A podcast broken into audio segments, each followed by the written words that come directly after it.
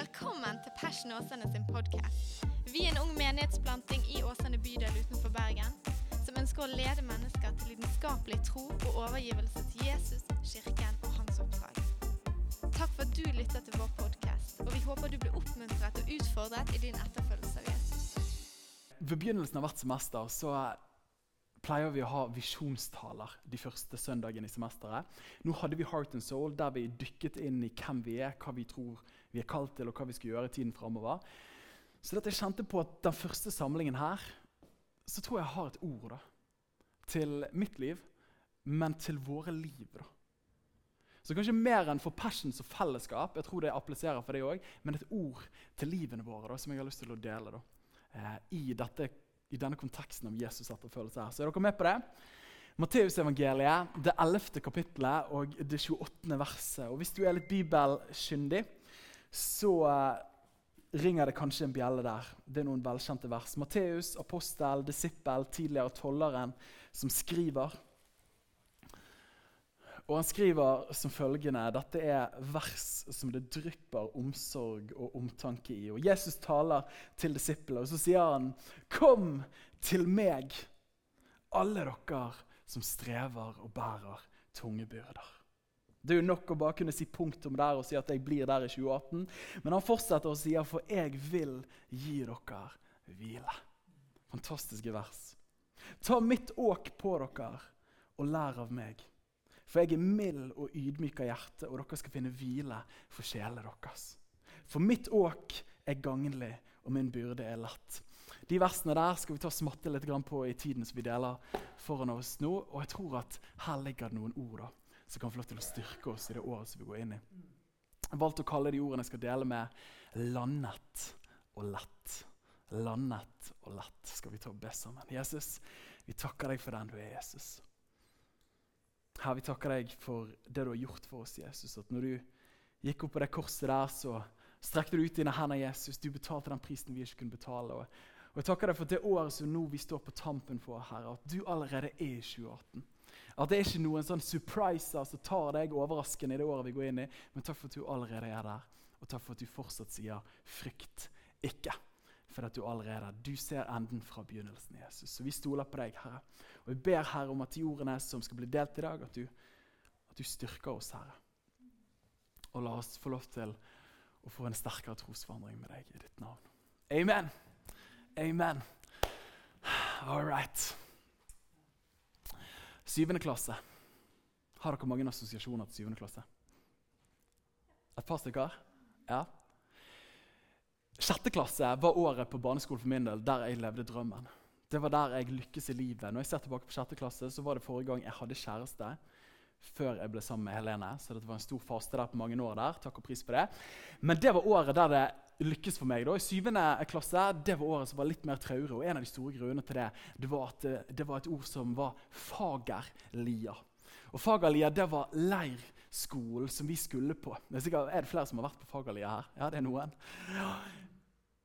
For de som kjente meg på barneskolen, slutten av barneskolen, så var jeg en sensitiv sjel. Noen vil sikkert si jeg er det fortsatt. Men jeg husker på den tiden så likte jeg ikke å sove borte. Kompisen min Sverre han bodde et par hundre meter hjemmefra. og Jeg skulle sove over av og til hos han. Jeg syntes det var skitskummelt. Og Jeg skulle kunne ligge om kvelden og bare håpe at jeg får lov til å sovne. før panikken kom, for tenk om jeg aldri får se mor igjen. Og så tok den meg, da. Og så husker jeg I sjette klasse Jorunn, min storesøster, to år eldre enn meg, hadde jo vært på Fagerlia. Liksom, been there, done that, gått i t-shirt, og fortalt om Fagerlia. Og Det var jo ikke selve aktivitetene som jeg var redd for, men det jeg var redd for var at jeg skulle ha borte ikke bare én overnatting, men fire. Og hva skulle jeg gjøre? Dette var på Geilo. liksom. Hva gjør man på Geilo hvis man trenger hjelp? Det er ikke dekning. sant? Hva gjør man? Og husker jeg Etter år i forveien så tenkte jeg sporadisk på den leirskolen. Kommer det til å gå bra? Og Kjente nervene begynte å melde seg. Syvende klasse kom, og et par måneder inn, jeg vet ikke når vi dro, kanskje rundt februar, så husker jeg begynte å grue meg mer og mer. Og uken før jeg vet ikke om mamma husker det. Men da husker jeg i et par kvelder så var jeg så nervøs da, at jeg gråt. For jeg hadde ikke lyst til å dra. Og så til min store glede så ble jeg syk den uken. rett før jeg skulle dra, Så jeg bare tenkte måtte det vare ved så jeg slapp å reise mandagsmorgen. Men sånn som ting skjer, vet du, så blir man frisk i løpet av helgen. Og eh, husker søndagskveld. Satt inn på, på, badet der, og så gråt mine modige tårer. Jeg hadde ikke lyst til å dra. For tenk om jeg aldri kom hjem fra Geilo. Eh, og Morgenen kom, og jeg hadde fått en avtale at jeg skulle få lov til å ringe hjem hver eneste kveld. og hvis jeg var bekymret. Jeg dro, og det gikk fint. Men jeg klarte ikke å finne roen på forhånd. For det ukjente og det usikre det jaget meg. Og jeg klarte ikke å lande. da.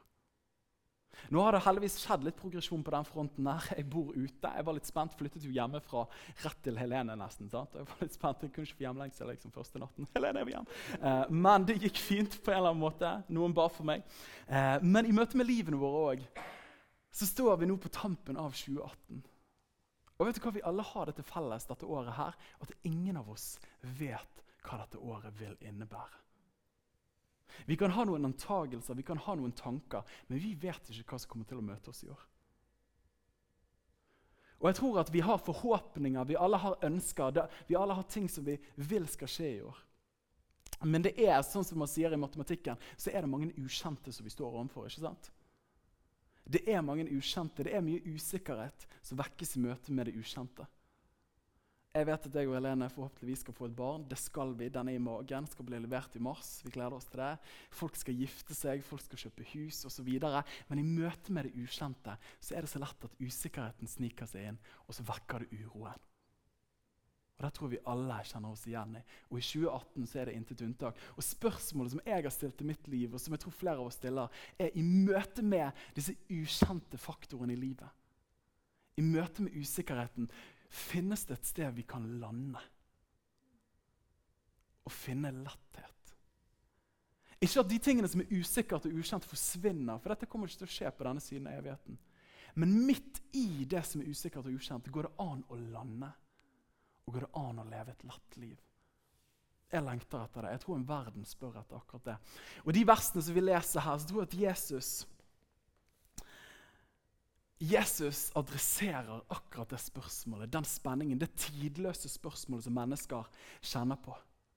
For at Vår sjel og vårt sinn er fylt av spenninger og spørsmålstegn i møte med ulike utfordringer i livet. Ny jobb, relasjoner, vennskap, konstellasjoner. Hva skal vi gjøre? Og så videre og videre. Men jeg har lyst til å foreslå, og dette er en ting jeg har lyst til å si, ting jeg har lyst til å si, jeg har lyst til å si mye, men, men hvor vi går med utfordringene i livene våre avgjør utfallet på dem. At hvor vi går med de tingene som er krevende, avgjør hvordan de tingene blir håndtert. Og Det verset som Jesus sier der, og kanskje et av de mest siterte versene av Jesus, han roper ut og sier han, 'Kom til meg'. Og Det er et eller annet med de ordene der som bare drypper nåde. Det bare drypper varme av de ordene der. 'Kom til meg'. Hvor vi går med utfordringene i livet, avgjør hva som blir utfallet på dem. Jeg vet for mitt liv tenkt scenario, vi har snakket en del om det tidligere, og tullet med det, men NRK nett-TV er jo en sånn, det er jo en svøpe for flere av oss i dette rommet her. Men er livet krevende? Er det tight? Så løper man f.eks. Kjenner man press på innsiden? Spenninger, spørsmål, tanker? så er det lett for at man finner veien til sofaen. Man tar ned passeen, planer man hadde for den dagen, sitter man til side. Man finner et eller annet i skapet som skal bare spises på lørdag. Tar du det fram, og så begynner du å spise, og så ser du en dårlig serie, og så kjenner du en sånn umiddelbar lettelse. Men hva er greien? Jo, etter den umiddelbare lettelsen og befrielsen, den første enkle løsningen for, et, for å få et lite pause i det man kjenner på, så kommer det et hav etterpå av mismot som tar deg. da. Vi har opplevd det. sant? Ja, Det er noen som er ærlig her. Gud velsigne dere. Men jeg har lyst til å foreslå at det er så lett for at i møte med disse spørsmålene at vi går til substitutter istedenfor å søke det virkelige svaret. At vi går til substituttene istedenfor det virkelige svaret. Det er litt som at du i Norge ønsker deg den siste Puma-genseren. Du har sett den på, på TV-reklame, og du vet at de selger den på, på G-sport. og Den er grønn og den er flott, den, men den koster liksom 5000 laken. Eller 5000 kroner. Og Så kommer du tilfeldigvis til Alicante, sant? og du går på markedet der og du sprader rundt. Og så, og så ser du plutselig til din store overraskelse at der, der er Puma-genseren jeg har lyst på! Og så tenker du liksom han er like grønn, han har sånn fin logo på. liksom. Og, Og så spør du liksom «Quanta koster liksom? Og han bare 'Special price for you, my friend, is five euro.' Så du bare 'Nei, er det sant? Fem euro, liksom? I Norge koster han 5000 kroner. Jeg må kjøpe han.' Men så ser du litt nærmere på han. Så står, det står jo ikke, ikke Puma, det står, det står Pumba. sant? Og så bare tenker du liksom Nei, men det var jo veldig likt, men det er jo ingen som ser at det står Pumba der. liksom. Så jeg kjøper den. sånn. Og så går du meg litt hjemme. Feel good, liksom. Det føles greit. Eller liksom Jeg har spart masse laken. liksom, Spart 4900 der og et eller annet greier. Og Så har du han en tur i vaskemaskinen, og så kommer han ut igjen vet du, og så passer han til niesen din på toa. Sånn? Fordi at du går til en substitutt og ikke det virkelige svaret. Er dere med? Og du tror du kjøper Adidas, men så kjøper du egentlig Adidas. sant? Og så er det noe helt annet. Og Der er det som i møte med livet. Hvor finnes landetheten? Hvor finnes lettheten? For vi alle søker etter det. Hvor finner vi den? Og så søker vi ofte substituttene. Og husker Hun sa det, markedsføringslæreren min på andre klasse på videregående. Hun sa at substitutter det prøver å dekke det samme behovet, men med et annet produkt, og gjerne billigere. Og Jeg sier ikke at alle substitutter er feil, men i møte med vår sjel så tror jeg det bare fins ett virkelig svar, og det er Jesus. da. Og det som du hører Jesus si her, 'Kom til meg'. Jeg vet at det finnes substitutter der ute. Jeg vet det finnes andre løsninger som gir en umiddelbar opplevelse av befrielse, men prisen som kommer etterpå, er så mye kjipere. Kom til meg. Du ordet der, altså, så tidløst. Og så går han videre og sier han, 'Kom til meg, alle'. Og det ordet 'alle' på gresk betyr alle. Og det betyr alle, da. Hver og en av oss. Og jeg vet For mitt liv så er det så lett at man tenker at den tingen der som jeg møter, den er ingen andre som har møtt. Den tanken, den emosjonen, den utfordringen der, den er ingen andre som har møtt. Gud kan møte de og de og hun og han, ja, til og med Magne på hjørnet der, liksom. Men meg. Gode nyheter. Jesus inkluderer oss alle i den der. Kom til meg, alle sammen. Måtte det være et ord til oss i år at vi ikke sitter oss utenfor. At vi ikke blir fornøyd med substituttene. Men at vi tenker vet du når han sier alle, så betyr det lille meg òg og min lille verden. Dere som strever, og En teolog sa det sånn at det ordet 'streve' der, det betyr de tingene som vi kjemper med eget liv. Og så går han videre. Dere som strever, og dere som bærer tunge byrder. Og tunge byrder er det andre legger på oss. Så det vi strever med på egen hånd, og det andre legger på oss av forventninger og krav og sånt, kom til meg, og så vil jeg gi dere hvile. På andre siden av invitasjonen så finnes det et løfte om hvile. Da. Dette er bare Jesus som gir denne invitasjonen her. Altså. Og det er ikke en Pumba-invitasjon. Dette er en real deal-invitasjon. Og så går han videre. Og så sier han Og Så går han videre etter invitasjonen og så begynner han å snakke og sier ta mitt åk på dere og lær av meg, for jeg er mild og ydmyk av hjerte, og dere skal finne hvile for sjelene deres.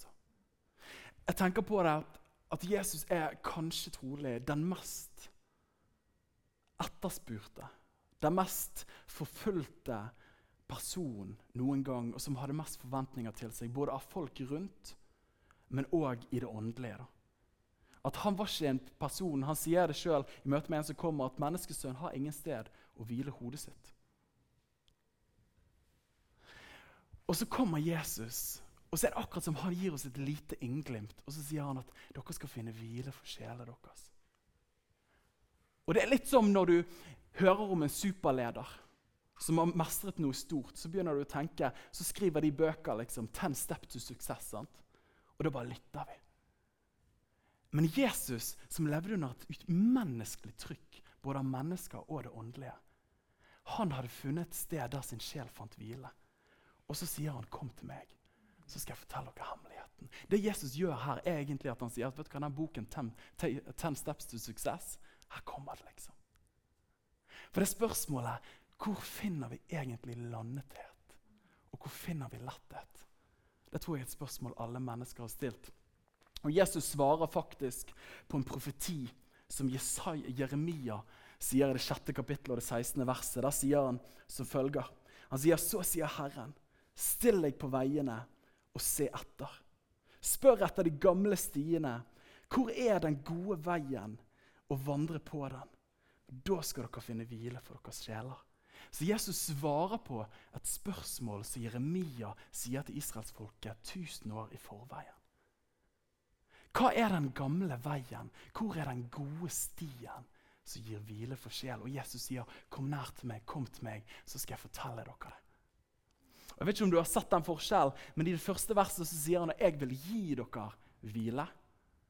Men så går han videre og så sier han, 'Ta mitt åk på dere og lær av meg', for jeg er mild og ydmyk av hjerte, og dere skal finne hvile for deres sjel. Jesus ønsker ikke bare at vi skal ta imot en gave av landethet og letthet, men han har lyst til å lære oss veien til det stedet, sånn at vi i enhver situasjon, i enhver utfordring, vet veien til å lande vår sjel, så vi kan leve et lett liv. Og Hvis den mannen som var mest etterspurt av alle, evnet til å leve nært og landet i øyeblikket, da kjenner jeg at jeg har lyst til å lytte inn til han. da. Han går videre og sier Dette er jo litt bibelundervisning, men det er jo veldig bra. vi er jo kirken. Han går videre, og så sier han det. Ta mitt åk på dere og lær av meg. Teologen Adam Clark han sier det sånn at ordet 'åk' på denne tiden her var et velkjent begrep. Og det, og det betydde alle forpliktelsene og forventningene som var til en person. F.eks. troens åk, omvendelsens åk. Men kanskje mer enn noe budets åk og lovens åk. De tingene som var krevd av folk. Og så er det Jesus sier du, de åkene som loven ligger på dere.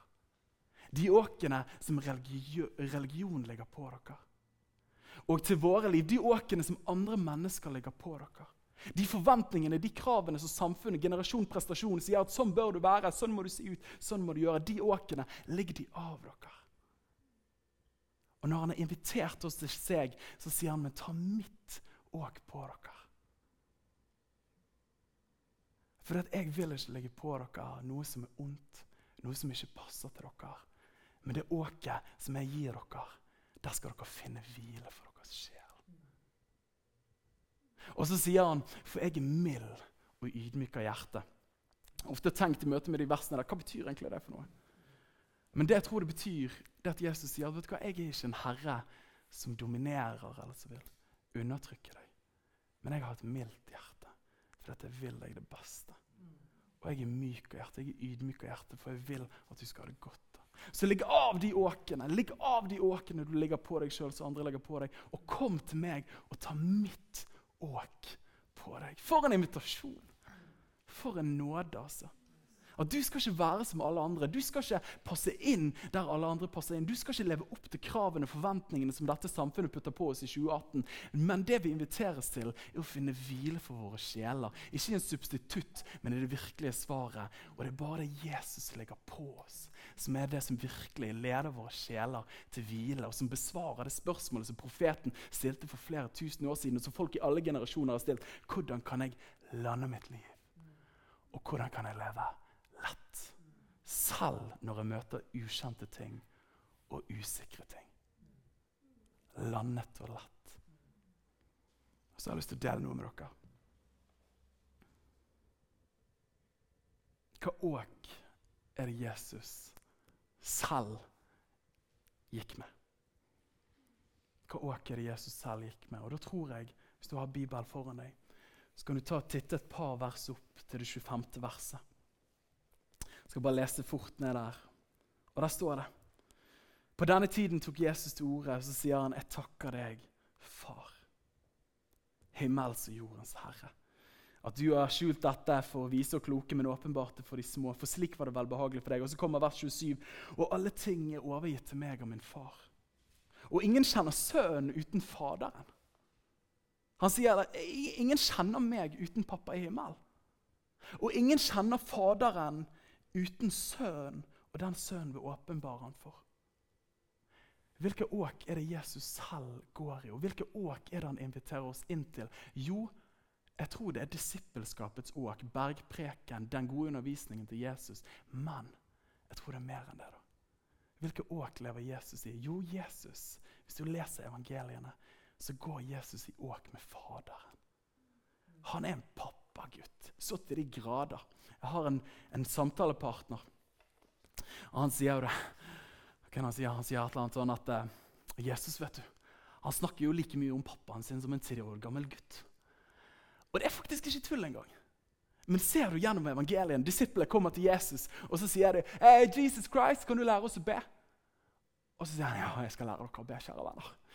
Og på den tiden sant, yppersteprestene var liksom Elohim og Adonai. sant? Men så kommer han og bare eh, Abba. Og da var det ikke en svensk popgruppe, men pappa. Pappa. Og de bare Nei, sa. Og jeg vet ikke om du har tenkt på det, men Når Jesus står foran øverstepresten og skal bli korsfestet, og så etter å ha kommet fram med falske vitner, så sier øverstepresten til ham jeg, jeg, jeg besverger deg, er du sønn av den høyeste Gud? Og så sier han, jeg er. Og så sier øverstepresten vi trenger ikke flere vitner. Vi har selv hørt Guds bespottelse. Hva handler det om? Jesus ble dømt til døden fordi han sa at Gud var pappaen hans. Det er faktisk det som er greien. Han sa at Gud er ikke en Gud langt borte. Han er min pappa. Og hele evangeliene er krydret med det. Når dere skal be, hva sier du? Pappa. Når du er i den siste time, far, om du kan la dette begeret gå meg forbi. Han ber i fortrolighet til sin pappa. Hvilke åk går Jesus i? Jo, han går i åk med Faderen. Og På denne tiden her så var åk det ble brukt om to okser som pløyde og tresket grønn pløyde og treske. Det er sikkert to ulike ting. Jeg er ikke jordbruksmann. Men de pløyde. Og så traska de tre måneder senere. sant? Ehm, jeg skal lese meg opp på, på bonderier til neste søndag. Men så pløyde de, da. Og det De pleide å gjøre, var at de hadde en gammel, erfaren okse. Kan du få to fram? Nei, bare tuller. De hadde en gammel, erfaren okse som pløyde, og som var sterk, og som hadde rytme. Og så tok de en ung jypling. da, ikke en hingst, for det er en hest, men de tok en ung stut. Stut, ja. De tok en ung stut sammen med den erfarne. Og det som var greien da, var at når den unge hadde lyst til å gå enda fortere, for at han følte seg stor og sterk, så var han i åk med den eldre. Så når han begynte å løpe, så holdt den gamle han igjen. og bare sa, jeg har vært der selv en gang, liksom, men bare slapp av, liksom, det er langt igjen. Og så roet han seg ned. Og så fant han rytmen. Og når han ble trøtt, den unge, for han ikke hadde utholdenhet, så var den gamle og erfarne oksen fortsatt å trekke han framover. Og så var det, fant de rytmen sammen. da. Og når den unge oksen så en veldig pen kvige langt der borte, hadde lyst til å løpe bort, så hadde den gamle oksen han i åket og holdt den. Fokus nå, fokus nå, fokus nå. Er dere med meg? Hva er det som skjer her? Jesus går i åk med Faderen. Jesus landet sammen med far. Og usikkerheter kom, distraksjoner kom. Men så var han i åk med far. Og det er akkurat her jeg tror Jesus inviterer oss inn. Han sier ja, ta mitt åk på dere, legg av alt annet. Men hva er mitt åk? Jo, mitt åk er at jeg er pappa sin sønn. Hvor er det dere skal finne hvile for deres sjeler? Jo, det er i noe større enn oss selv. Det er i Han. Og det er at når han bærer vår tilværelse så kan det være så mange ukjente kryss rundt i livet mitt. Og 2018 kan rope med frykt og usikkerhet i mitt ansikt. Men jeg vet at det er en som er der. Jeg vet at det er en som holder. Jeg vet at jeg ikke er alene. Jeg vet at det går i åk med en annen. Og når jeg ikke har krefter til å gå lenger, ja, men da fortsetter han å gå. Og da fortsetter takten. Selv om usikkerhet prøver å svekke min takt. Ja, Når jeg har lyst til å løpe fort, så roer han meg ned. Når jeg blir distrahert, så holder han fokus og sier han, vet du hva, jeg har deg frykt ikke. Og Det er litt som på torsdag når jeg skrudde bil. Vi skulle skifte bremseskivene bak og klossene. Skulle jeg tatt fatt på den oppgaven alene, så hadde vi ikke kommet kjørende her i dag. Da hadde vi tatt bussen. Men jeg ringte til pappa og sa pappa, jeg trenger å skifte bremseskiver. Og så han kom bort, Daniel. Og så kom jeg bort, vet du, vært på Biltema, kjøpt bremseskiver og klosser. og så jeg jakker jo opp, vet du, gjør det tunge arbeidet. Eh, så henter han skrudrill, og så skrur han av eh, mutterne. Og så gjør han masse greier. Eh, og Det er bare for å illustrere det at eh, hadde jeg vært der alene, så hadde jeg ikke visst hva jeg skulle gjøre. men fordi jeg var i åk med pappa. Billedlig talt. Så eide han den situasjonen, og jeg kunne lande. Og jeg kunne kjenne på letthet, selv om utfordringen var langt større enn det jeg meg sjøl makter. Det er så utrolig frigjørende, altså. Og det er akkurat det Gud inviterer oss inn i. Inn i denne hemmeligheten. Så hva er denne hvils hemmelighet? Jo, det er at du ikke er alene. Det er at du lander sammen med han, og det gjør at du kan leve lett. Og Så går han videre og sier han i det siste verset For mitt åk er gagnlig, det er tjenlig, det er sunt, det er bra. Og min byrde, den er lett. Det verden vil legge på dere av åk, burde, skulle, måtte gjøre, det er ikke gagnlig, det er ikke tjenlig. Det kommer til å binde deg ned. Men det jeg gir, det er tjenlig. Det løfter deg opp. De byrdene som verden gir, de trykker ned. Men jeg kommer for å løfte opp. Det er enkelt å følge meg. Så hvor finnes dette stedet vi kan lande? Puste. Ja, det er usikkerhet, det er ukjente faktorer rundt. Men jeg er landet. Og jeg er til og med lett. Jeg føler glede. Jeg føler fred. Det er ikke rasjonelt, men jeg, men jeg har landet. Min sjel har landet. Og jeg føler meg lett. Jo, ved at vi kommer til Han, til det virkelige svaret, og ikke substituttene. Og på det stedet så viser han oss veien til der vår sjel kan finne hvile. Ikke bare skal vi få hvile, som en blessing som kom og gikk, men han lærer oss stien, de gamle og gode stiene til sjelens hvile. Jo, det er åk med Faderen. Da kan jeg få lov til å dele en siste ting med dere. Å lande. Dere, det er jo det budskapet heter. Landet og lett. Men i vers 25 her så står det at på den tiden tok Jesus til orde. Så sier han, 'Jeg takker deg.' Hør på det her. Jeg vet ikke om du har tenkt på det før, men det slo meg. 'Jeg takker deg, Far.' Han har landet i far, men så går han videre i himmels og jordens herre. At for Jesus var ikke Gud bare min personlige Gud på lønn. Hva med det? Han var ikke bare den nære fortrolige, men var òg den fjerne Gud som holdt tilværelsen. Jeg takker deg, Far, helt intimt, helt nær. Himmels og jordens Herre, du som holder alt sammen.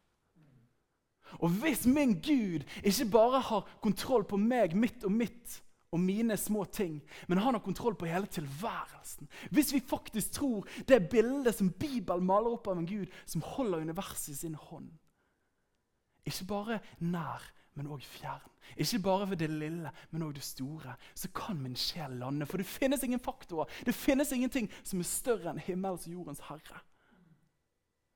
Men Han takler mitt lille, men han takler òg det store, ukjente, som jeg bare ikke aner hva er for noe. da. Og der kan vi lande. Og hva skjer når vi lander der? Jo, det er at vi begynner å leve et lett liv. Der vi ikke strever, og der vi ikke bærer tunge byrder. Landet og lett. Og, og måtte dette her Jeg har sagt det meg sjøl og sier til min kone Hun må jo være med meg på alle de kule slogansene som jeg kommer på. liksom. Jeg tror av og til hun, Akkurat som på torsdag. Og hun ikke forsto hva det betydde, liksom, hva betyr egentlig motiv? Og metode. Men og, noen ting er hun med på. Eh, men dette her har jeg sagt at disse to ordene her, landet og lett, det skal være noen ord som skal få lov til å følge mitt liv i det året som jeg går inn i nå. Det skal være ord som skal få lov til å følge vårt samliv. Og billedlig talt så det handler om at vet du hva? vi lander i Han. For når jeg lander i Han, da lever jeg lett. Og vi alle vil leve lett. Men lander vi substitutter, så tar det oss dypere inn i strev og tunge byrder. Men lander vi i det virkelige svaret for vår sjel, som besvarer spørsmål og spenningene som vi stiller, så leder det til letthet i Jesus. da. Er dere med på det at disse to ordene her, og ikke formuleringene først og fremst, selv om de er gysla bra, men realiteten av det, og det Jesus snakker om her, at det kan få lov til å være noe av takten, rytmen, for det året vi går inn i. da. Landet i Han, som gjør at vi kan leve lette liv. Da. For det er ingenting som er for stort for Han, ingenting som er for liten for Han. Måtte vi besvare hans invitasjon. Kom til meg. Skal vi ta og be sammen? Jesus, jeg takker deg, Jesus, for at du bryr deg nok om oss, Herre. Og du vet hvordan mennesket er skrudd sammen. At du vet at vi jakter denne landetheten. Vi jakter det lette livet. Og Du ser at det er så mange stemmer, så mange substitutter som prøver å si 'kom hit, kom hit', kom hit, kom hit, og det tar oss bare dypere, Gud. Men jeg ber dette året her, her, at du leder våre hjerter, at du leder vår tanke, at du leder våre liv, Jesus, inn i din invitasjon, Jesus.